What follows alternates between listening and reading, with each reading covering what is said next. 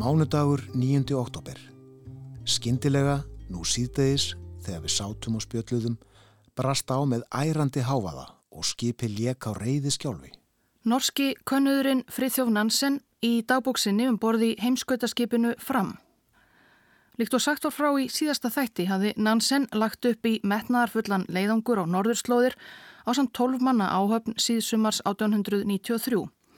Leiðangur sem sumir sögðuraunar óðsmanns æði. Nansen ætlaði sér að festa sérsmíðað skipsitt vísvitandi í hafís norður af ströndum Sýberju og freista þess að láta hafströyma bera sig með ísbreyðunni alla leið yfir Norðurpólinn.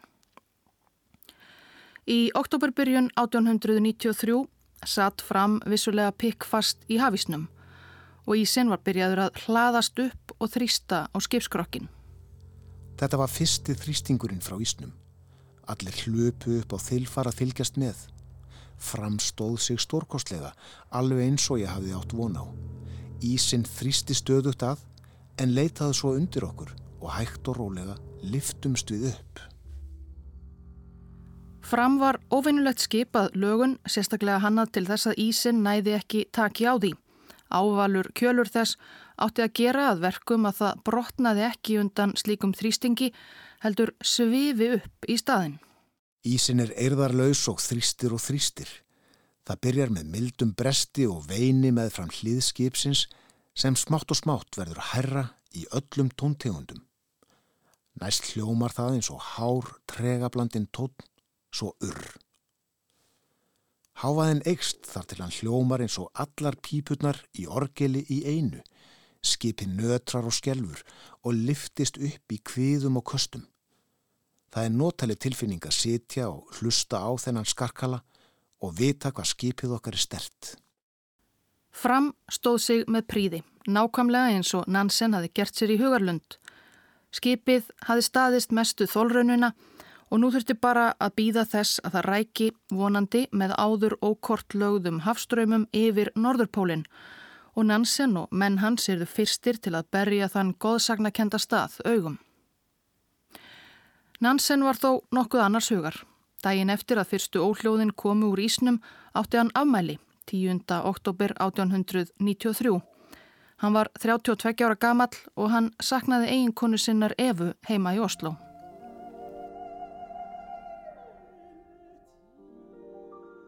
Svo langt, langt frá Evu. Eva, Eva. Þú hugsa mikið til mín í dag. Ég finn það og þið líður ekki vel. Af hverju eru við aðskilin? Hver er tilgangurinn með þessu? Ekki kvarta. Á endanum hittumst við aftur. En hversu lengi varir það?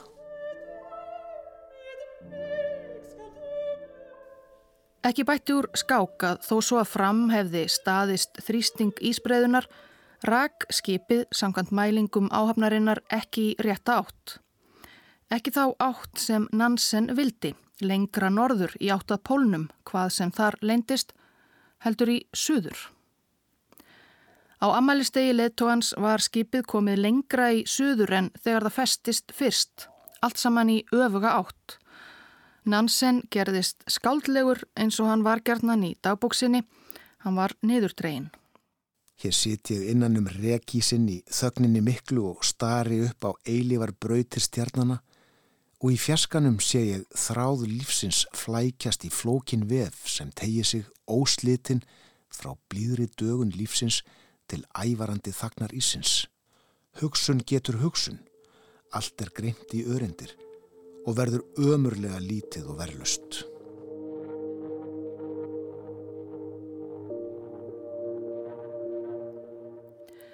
En það var ekkert að gera við þessu, ekkert nema að býða.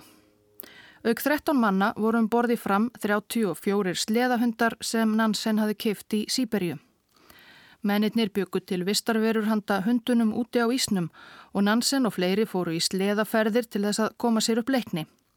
Ekki veitti af, norðmennirnir voru ekki reyndir í hundasleðaakstri og fyrstu tilraunir gengu brösulega. Annars gáttu mennirnir stitt sér eitthvað stundir við ímsar mælingar að gera og græja einhvern útbúnað en slík verkefni voru þó ekki endalus. Það kom sér vel að um borði fram var umfangsmikið bókasapn Einar 600 bækur, fræðiritt og frásagnir fyrri heimskautafara sem á skáldverk gömul og ný. Um tíma gerðu mennirnir til raun með að skrifa og gefa út eins konar fréttabriðaviða tímarittum borðið skipinu. Framsjá hétt það. En áhugin á því dvínaði fljótt, en það ekki mikið að frétta um borð. Annað en það hvort skipið ræki nú í norður eða söður og hvort Nansen væri í góðuskapi eða vonduskapi. Hann var mislindur en skapið fór gjarnan eftir reki ísins hverju sinni. Sigurd Scott Hansen var siglingafræðingur og yngstur framverja 25 ára þegar lagt var í hann 1893. Hann lísti Nansen svona. Hann er undarlegur karakter, stundum alvarlegur, fræðimannslegur og óvægin í umræðum og svo einn góðan viðdag orðin áheyrilega gladlindur og ljúfur, næstum svo jæðrar við kjánaskap. Hann vil ráða, sem er afskaplega skiljanlegt, en hann setur sig of oft fram sem autoritet. Í umræðum er hann krettufastur þegar sá gállin er á honum, sem er oftast þessa dagana, svo krettufastur að maður fær á tilfinninguna að hann reyni ekki að skilja sjónarhótt mótæriða síns, heldur reyni einungis að kollvarpa því. Svona fyrir utan áhrifin sem hans eiginskapsveiplur höfðu á mannskapin hafði Nansen lagt áherslu á að lífið um borði frammirði áhöfninni eins þægilegt og hægt væri í þessum undarlegu aðstæðum. Þar var ekki bara bókasapn heldur að finna ímsa nýtískulega tækni eins og ramagsljósum allt skipið, stærðarinnar vindmilla og þilfari sá skipinu fyrir ramagni. Nansen var þó nýskur á kólaforðan og neytaði að byrja að kinda káetur manna sinna fyrir en langt var liðið á desember og frostið þá komið niður í 30 gráður. Kindingin létti örlítið lund norðmannana í Ísnum svona rétt fyrir stórháttíðarnar. Þegar árið 1894 gekk í garð þarna á einmannalegum norður hjaranum kveiktu framverjar sér í vindlum og sungu norsk ættjarðarlög. Á himninum glitruðu norðurljósinn Það voru sex mánuðir rúmir síðan þeir lögðu af stað frá Oslo. Líkt og Nansen nefndi í ræðustúf sem hann flutti þetta gamlárskvöld hafði allt gengið ágætlega til þessa. En stöðugt myrkur, þrengsli um borði í skipinu og tíðindalítill hverstagurinn fór fljótt að segja til sín. Dag nokkurn í februar 1894 skrifaði Nansen örvendingarfullur í dagbók sína. Ó, Á stundum kremur aðgerðaleysið sálmanns. Lífið virðist einstimt og vetrarnóttin úti. Engin sól skín á nokkur hluta þess nema fortíðina og fjallaga, fjallaga framtíðina.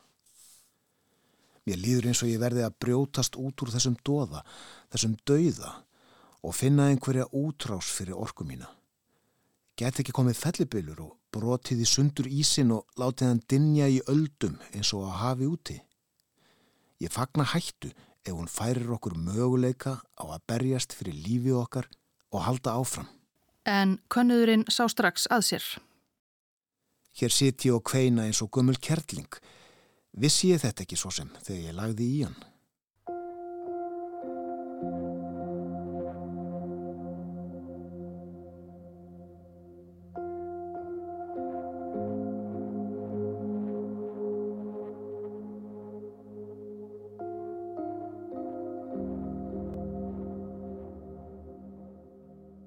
Ekki dróð til mikill að tíðinda um borði fram á fyrstu mánuðum ársins 1894. Engin fellibilur brast á til að koma framverjum í æsandi lífsættu og reikskipsins með ísbreyðunni var Nansen ekki að skapi. Þetta gekk ákaflega hægt og rekið var ódreiknanlegt, örlitið í norður, þá aftur í söður, tvö skref áfram, eitt skref aftur á bakk.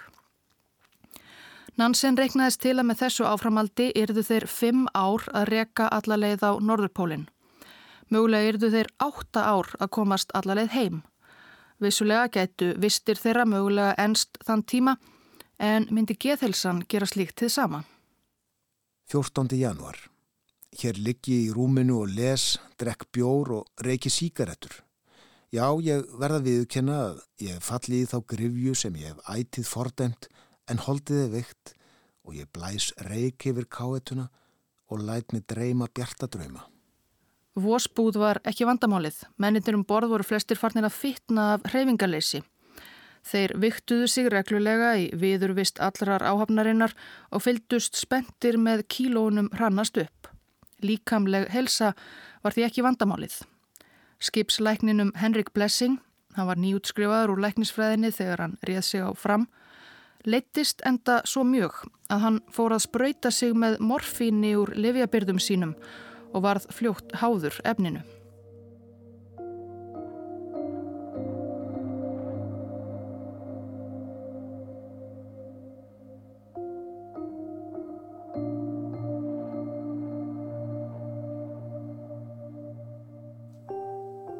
27. mars. Við erum hreyfingalösir, rekum ekkert. Hversu lengi mun þetta vara? Vorið er að koma en því fylgir engin gleði. Hér er jafn einmannlegt og kallt og alltaf. Sálinn í manni frís. Sjö ár til viðbótar af þessu lífi. Eða segjum bara fjögur. Hvernig verður sálinn orðin þá? Ég hef ekki hugur ekki í að hugsa til framtíðar. Það sem ég myndi ekki gera fyrir jafnvel andartak af hættu. Það kom sumar en fram var jafn fast í Ísnum sem fyrr. Á þjóðháttíðadag normanna 17. mæ emdu framverjar til skrúðgöngu á Ísnum með hundum sínum. Hvert tækifæri var nota til að brjóta upp bugandi hverstægin. Það að einstaka máfur sæjist í grend við skipið var Nansen næg ástæða til þess að rita um það í dagbóksína í laungum áli en rekið var jafn óutreiknanlegt og óþólandi. Á þjóðháttíðadaginn var framkomið á um 80. og 1. breytargráðu norður, lengra norður en nokkur sinni fyrr en það var samt of stutt. Nansen var þarna loks búin að missa vonina um að framkæmist alla leið á pólinn með þessu áframhaldi. Það verður erfitt að gefa pólinn upp á bátinn en í raun er það bara hegómi barnaskapur í samanburði við það sem við erum að gera og vonumst til að gera. Þó verð ég að viðkjöna að ég er nógu mikil kjáni að langa til að komast á pólinn á meðan ég er hér og mun líklega reyna við það ef við komumst í nákrenni við hann innan skinsamlegra tímamarka. Snemma árs 1894 hafði Nansen farið að viðra hugmynd við tvo undirmenn sína Kindaran og þelamerkur skíðagarpin Hjálmar Jóhansen og sjóaraðanafni Peter Henriksen að yfirgefa fram, fara út á ísin og reyna að komast á hundasliða alla leið að Norðurpólnum. Þeir höfðu jú eitthvað um 40 sleðahunda um borð, nokkrir kvolpar höfðu bæst við á leiðinni leðungusmönnum til gleði og ánægum en tilraunir Nansens og hinna til að ná leikni í sleðaakstri höfðu hinga til ekki skilað glæsilegum árangri. En þegar leið á árið 1894 urðu æfingar Nansens markvisari og hann fór að ná tökum á sleðanum. Hann gerði líka mikilvæga uppgötun. Hann gatt gengið á skýðum á um það byl sama hraða og hundarnir hlupu með sleðan. Hann geti því skýðað meðfram byrðasleða í stað þess að þurfa sjálfur að standa á sleðanum. Þannig getu hundarnir tekið enn meiri vistir og útbúnað. Sumarið leið nokkuð tíðinda löst, sólinn kvarf svo aftur og annar myrkur vetur fram í Ísnum hófst. Í september fyrirskipaði Nansen að hver maður um borð er þið að æfa sig á skýðum á Ísnum í tvo tíma á dag. Þeir voru margir orðnir ískikilega pattaralegir og ekki í miklu formi. Hvað ef þeir yrðu að yfirgefa skipið og reyna að brjótast til byggða? Skýðum aftur í dag, freka kallt, mínus 50 gráður. Mér fannst það þó ekki sérlega kallt. Mér var bara freka kallt á tippinu. Þar sem engin okkar var í vindbúksum, bara ullabúksum og nærbúksum eins og vanalega. Þegar utan kynfærin fann ég lítið fyrir kuldanum Þvertamóti fannst mér þetta mjög þægilegt. Nansen sjálfur þurfti ekki á mikilli skíðaæfingu að halda verandi markvaldur Norex meistari á gönguskíðum en það var margt sem hann þurfti að ganga úr skuggum og æfa. Hann var orðin fullvisum að fyrr en síðar myndi hann láta reyna á leikni sína og reynslu. Nansen sagði þó mönnum sínum ekki frá fyrrætlunum sínum formlega fyrir en 16. november 1894. Þegar framhefði rekið nokkuð lengra norður á 8.3., 4., 5. breytargráðu ætlaði hann sér að yfirgefa skipið við annan mann og freysta þess að skýða á pólinn. Hann bað kindaran Hjálmar Jóhansen að fylgja sér. Jóhansen var góður skýðamaður, þrautsegur og Nansen kunni ágætlega við hann. Mikilvægt atriði þar sem ferðalag þeirra tvekja er því mjög líklega bæði langt og stránt. Jóhansen varð kampakátur. Nansen bað mig um að hugsa málið. Ég svaraði að ég þyrti engan um hugsunarfrest. Ég væri búin að gera upp hugminn og saðist reyðubúin að koma með. Mér fannst það að sjálfsögðu mikill heiður að hafa orði fyrir valinu. Áform Nansens voru að þeir tveir myndu ferðast með skýði, sleða og bátað Norðurpólnum, halda síðan þaðan að næsta fastlandi, Frans Jóseflandi og þaðan vonandi komast yfir til Svalbarða hvaðan þeir getu öruglega húkað sér far heim með sel eða kvalveðiskipi. Og meðan er þið skipstjórin Otto Sverdrup við stjórnvölin á fram sem vonandi myndi á endanum losna úr viðjum ísins og sigla heimálið.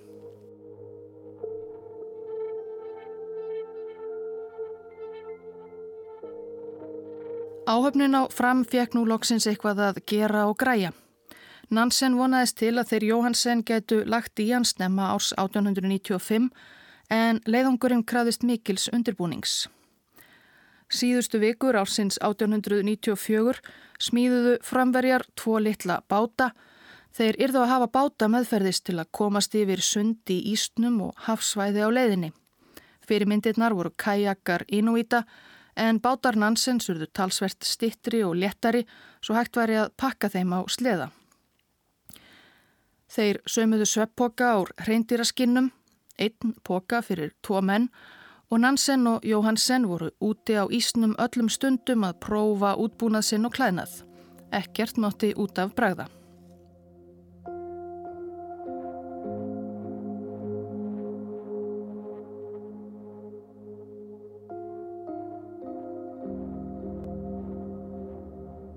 Önnur jól framverja um borði í skipinu voru döfleg.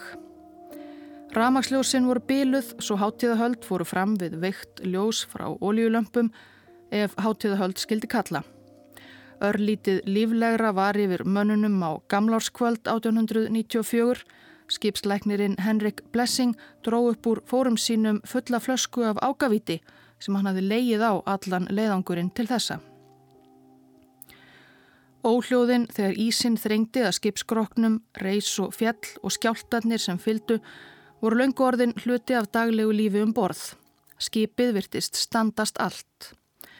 En á síðustu dögum ársins 1894 virtist háfaðin verða meiri og okkveikjandi.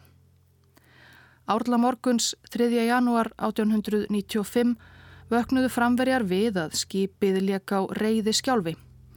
Stóri jaki hafði brotnað frá ísnum við skipið, hár ísbakki þrýstist upp að skipinu eins og frosinn stóralda sem bjóð sig undir að gleipa það í sig.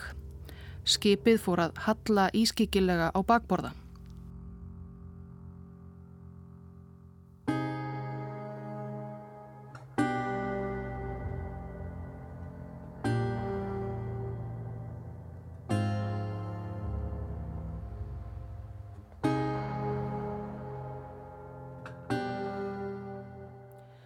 Þarna var loksins komin hættan sem Nansen hafi þráð svo mjög svo lengi. Það leitt virkilega út fyrir að skipið myndi ekki hafa það af í þetta sinn. Mennirnir tóku til við að ferja mikilvægustu vistir og útbúnað út á ísin, reyðbúnir að yfirgefa skipið færi allt á versta veg. Þó treystu þeir sér til að sofa um borði í Hallandi skipinu aðfara nótt 4. janúar og af dagbókar skrifum Nansens að dæma má ætla að honum hafi innst inni þótt þessi tví sína hinn besta skemmtun. Það sem ég sit hér og skrifa heyri ég snarkið og marrið fyrir utan. Svo ísin er enna þrýsta. Við erum allir í hennu besta skapi. Það er eins og mennirni sjáu þetta sem ánægilegt hlið á tilbreytingalösri tilveru okkar.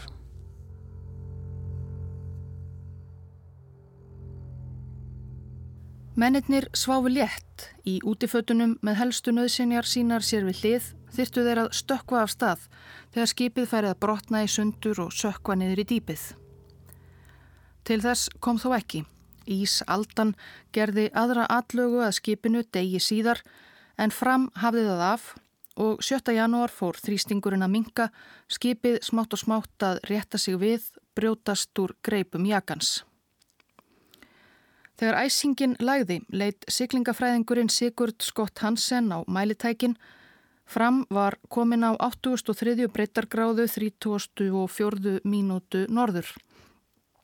Það þýtti að þeir voru komnir um 16 kílometrum lengra norður en bandarækjamaðurinn Adolfus Gríli hafi komist í leiðangri sínum 1882 og um leið lengra norður en nokkrir aðrir menn hingað til, svo vitað væri. En það var nóg að gera, hreinsa snjó og ís af skipskroknum og koma vistum og útbúnaði aftur um borð. Tímamótin, lengsta norður, hurfu einhvern veginn og það var lítið fagnað á fram þennan dag. Nansen var líka fljótt komið niður í aðra lægð. 8. janúar var tveggja ára amalistagur enga dóttur hans líf. Hún hafi bara verið nokkura mánada gömul þegar fadir hennar lagði í leiðangurinn, feðgininn þekktust í lítið sem ekkert. Líf er tveggjára í dag. Nú er norðin stór stúlka. Ég velti fyrir mér hvort ég myndi þekkjana. Þau fagnaðinni öruglega í dag og hún fær alls konar gjafir. Heimþrá og sérilagi söknuður eftir eiginkonni plagaði Nansen sem fyrr. Þú ert að hugsa um mig, ó, Eva mín, hugsanirnar þínar fljúa í norður í auðnina miklu. Það er vit ekki hvar er að finna, lengst í norðri, í myrkustu heimskauta nótt sem nokkur hefur upplifað.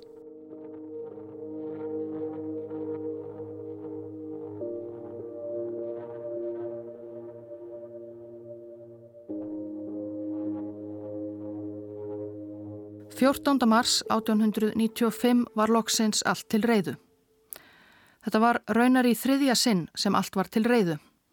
Eftir heljarinnar Kveðju Veistlu og aðtöfn 27. februar höfðu Nansen og Jóhansen neðst til að snúa aftur eftir örstutta stund, varðla 500 metra, þegar meður á öðrum sleðanum brotnaði. Ekkert að gera nema gera við og reyna aftur setna. Tveimur dögum síðar höfðu þeir gert aðra tilraun en ákveðið eftir nokkura dagaferð að þeir væri með of miklar og þungar byrðar og því snúið aftur á skipið til að grísja. Það tók nokkra daga. Kvöldið 13. mars var svo enn einn kveðjuveistlan og miðdegisbil þann 14. lögðu þeir loksins af stað. Tveir menn á skýðum með þrjá sleða og 28 hunda. Nákvæman lista yfir hundana er að finna í bók Nansensum leiðangurinn. Þeir héttu nöfnum eins og Freyja og Barbara, Stóri refur og Littli refur, Soldán og Russin. Hópmynd var tekin af áhöfn fram skömmu áður en Nansen og Jóhansen lögðu í hann. Skipið sést í bakgrunni, óljóst þakið snjó. Nansen og Jóhansen eru í ferðaklæðum og komnir á skýðin, sleðarnir með mat og útbúnað og sérsmíðaða kajakana niður njörfaða efst. Og tjásulegir hundarnir í forgrunni, makindalegir í snjónum, að tegja sig og búa sig undir komandi átök. Fram var á 84. breytargráðu og það voru um 660 kílometrar á norðurpólinn.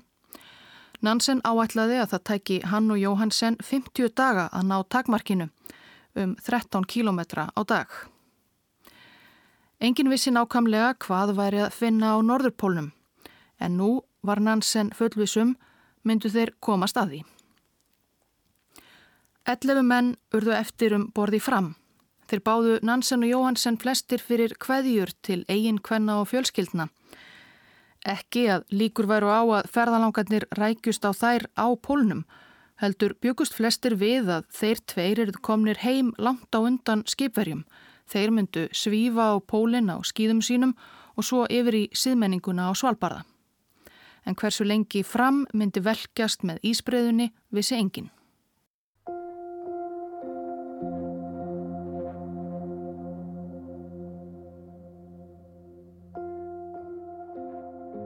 Bóksinni Lengst norður skrifaði Nansen síðar meirum síðustu kvæðustundina þegar þeir skýðuðu burt og fram og félagar þeirra hörfu sjónum.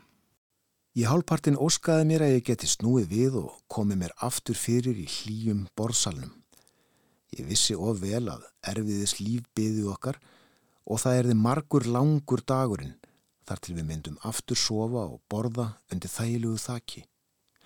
En að sá tími erði jafn langur og raumbara vitni, það hafði engin okkar nokkra hugmyndum. Við heldum allir að leðangurinn myndi lukkast og að við myndum snúa heim þetta sama ár. Eða að hann myndi ekki lukkast.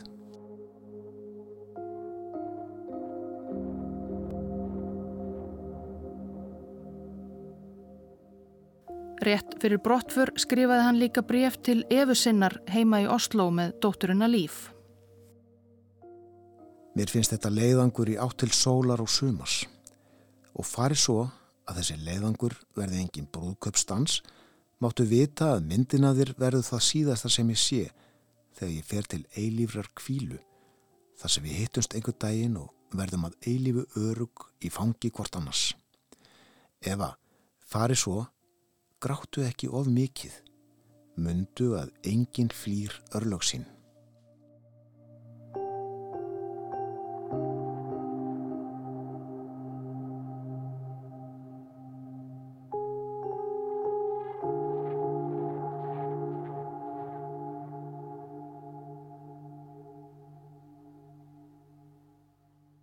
Fyrstu dagana gekk ferðin greitt.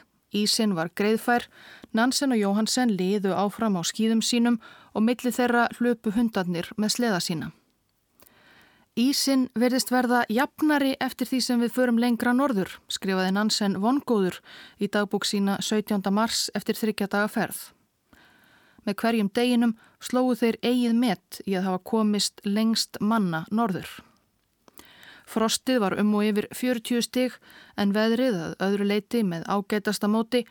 Nansen hafði áður veitt í eftirtækt reyndar að honum fannst kuldin í Pólhafinu einhvern veginn þólanlegri en kuldin á Grænlandsjökli sem hann hafði skýðað yfir í den.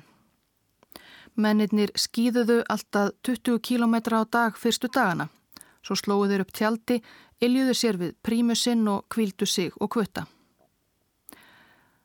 Reyndar var ekki meiningin að hver kvutti kæmist á pólinn.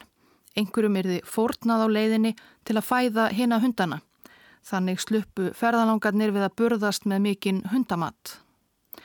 Í lengst norður vittnaði Nansen í dagbúk sína 2003. mars.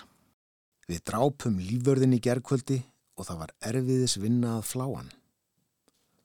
Þetta var fyrsti hundurinn sem við vurdum að drepa en margir áttu eftir að fylgja og það var einhver ömulegasta vinna sem við tókum okkur fyrir hendur í ferðinni. Hundurinn Lífvörður hafi verið orðin veikburða. Það var Jóhansen, mikill hundavinnur sem sá um drápið með spjóti sem þeir höfðu með til bjarnarveiða. Þeir voru með riffil og haglabissu meðferðis en vildu spara skotfærin. Einn versti sunnudagur sem ég hef lifað, skrifaði Jóhansen í dagbók sína.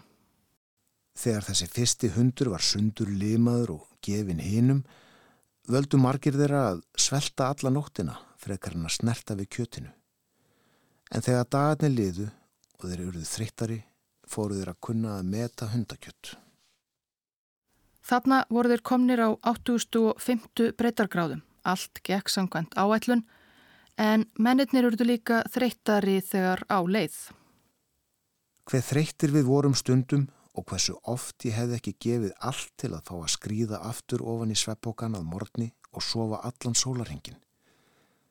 Við fannst sem það hlitið að vera heimsins mesta nöytt, en hlutverk okkar var að berjast í norður, alltaf norður. Það var ekki síst erfitt að koma sér fram úr því þraung ullarnáttföld mannana frusu utan á þeim yfir nottina. Það var vandasamt verk að klæða sig úr og í að morgni.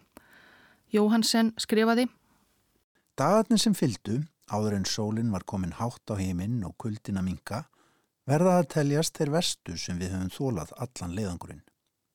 Allan daginn börðumst við við að komast eitthvað áfram og á næturnar þjáðumst við af kulda og svepleysi. Jafnvel svefnin þegar hann kom gæti verið lítil kvíld þar sem Nansen dreymdi yðurlega að hann væri að skýða og reka áfram hunda.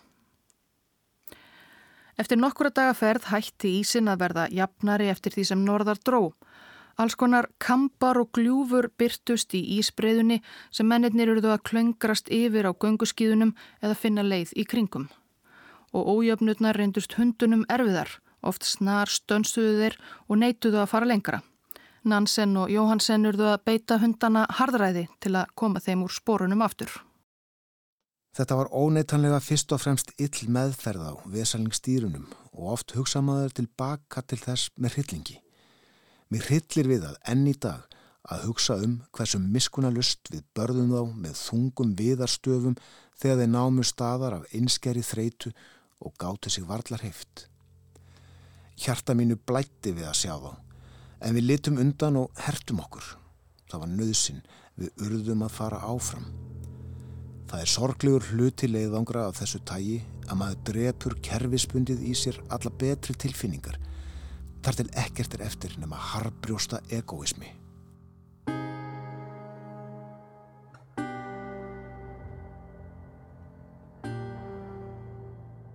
Þegar ég hugsa til þessara glæsilegu skeppna sem strituðu fyrir okkur mögluna löst án nokkur að þakka eða svo mikið sem hlílegs orðs, þegar ég hugsaði um það hvernig þið voru skildir eftir einn af öðrum á mannlausri ísbreyðunni sem orðið hafi vittnið að tryggð þeirra og hotlustu, þá fyllist ég sjálfs ásökun.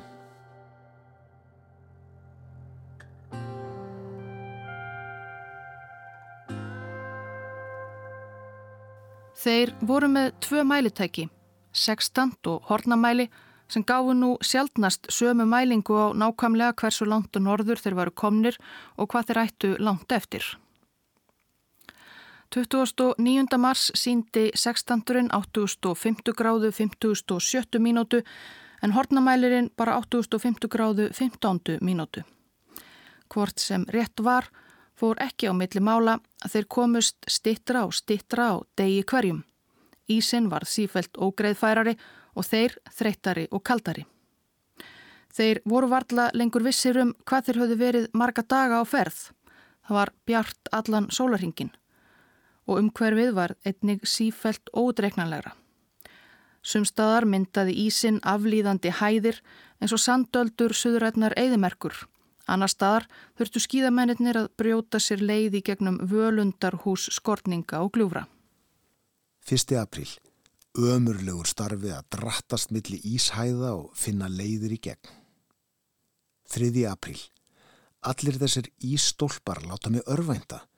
Ég er farin að hafa evasemdir um að halda mikið lengur áfram í norður. Þarna höfðu þeir ferðast eitthvað um 180 km norður frá fram. Þeir áttu meira en tvöfalt það eftir á pólinn. Þeir hafðu verið 20 daga á ferð, Nansen hafði áætlað að þeir yrðu að komast á pólinn á 30 dögum. Að næsta þekta fastlandi, eigaklasanum Frans Jósefslandi til vesturs, var enn lengra.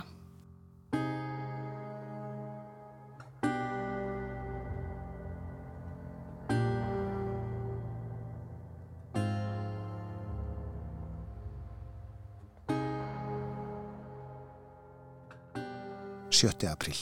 Ísin verður verri og verri. Í gær var ég á barmi örvendingar og þegar við námum staðar árla í morgun var ég komin á það að snúa við. Ég held áfram í einn dag til viðbútar. Ofan á allt voru Nansen og Jóhansen komnir á þá skoðun að ísbreyðuna sem þeir djöfluðust yfir ræki í suður svo að þeir komust enn stittra norður en ella. Og daginn eftir, 7. apríl, stóð Nansen við orðsín Hann reyrði á sig skýðin og fór einn af stað. Ég fór nokkurt spöl lengra á skýðum en sá enga skinsanlega leið áfram og af toppi hæsta í stöpulsins sá ég enga aðra ískerð allt fram á sjóndeldarhing. Þetta var eins og að horfa yfir snæfi þakkinn jökulruðning. Það verist til lítils að halda áfram ekki lengur. Við fórtum dýrmætum dögum fyrir of lítið og ef það er mikið af svona ís á milli okkar og Frans Jósefslands þurfum við á hverjum degi að halda.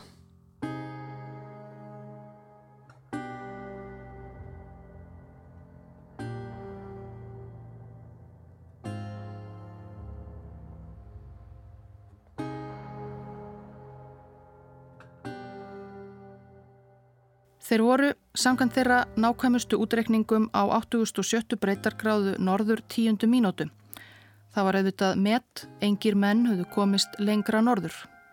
Nansen og Jóhansen höfðu bætt 13 ára gamalt met bandaríkjamannsins Grílís sem raunar hafi kallað ferða áætlu Nansens órögrétt sjálfseyðingar áform um næri 270 kilometra.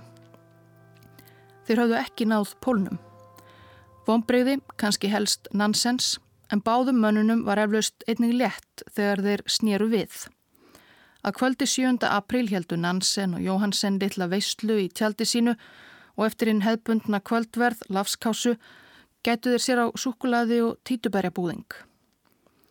Morgunin eftir, við brottfur, komið þeir litlum norskum fána fyrir þar sem staðið höfðu þeirra nýrstu tjaldbúðir.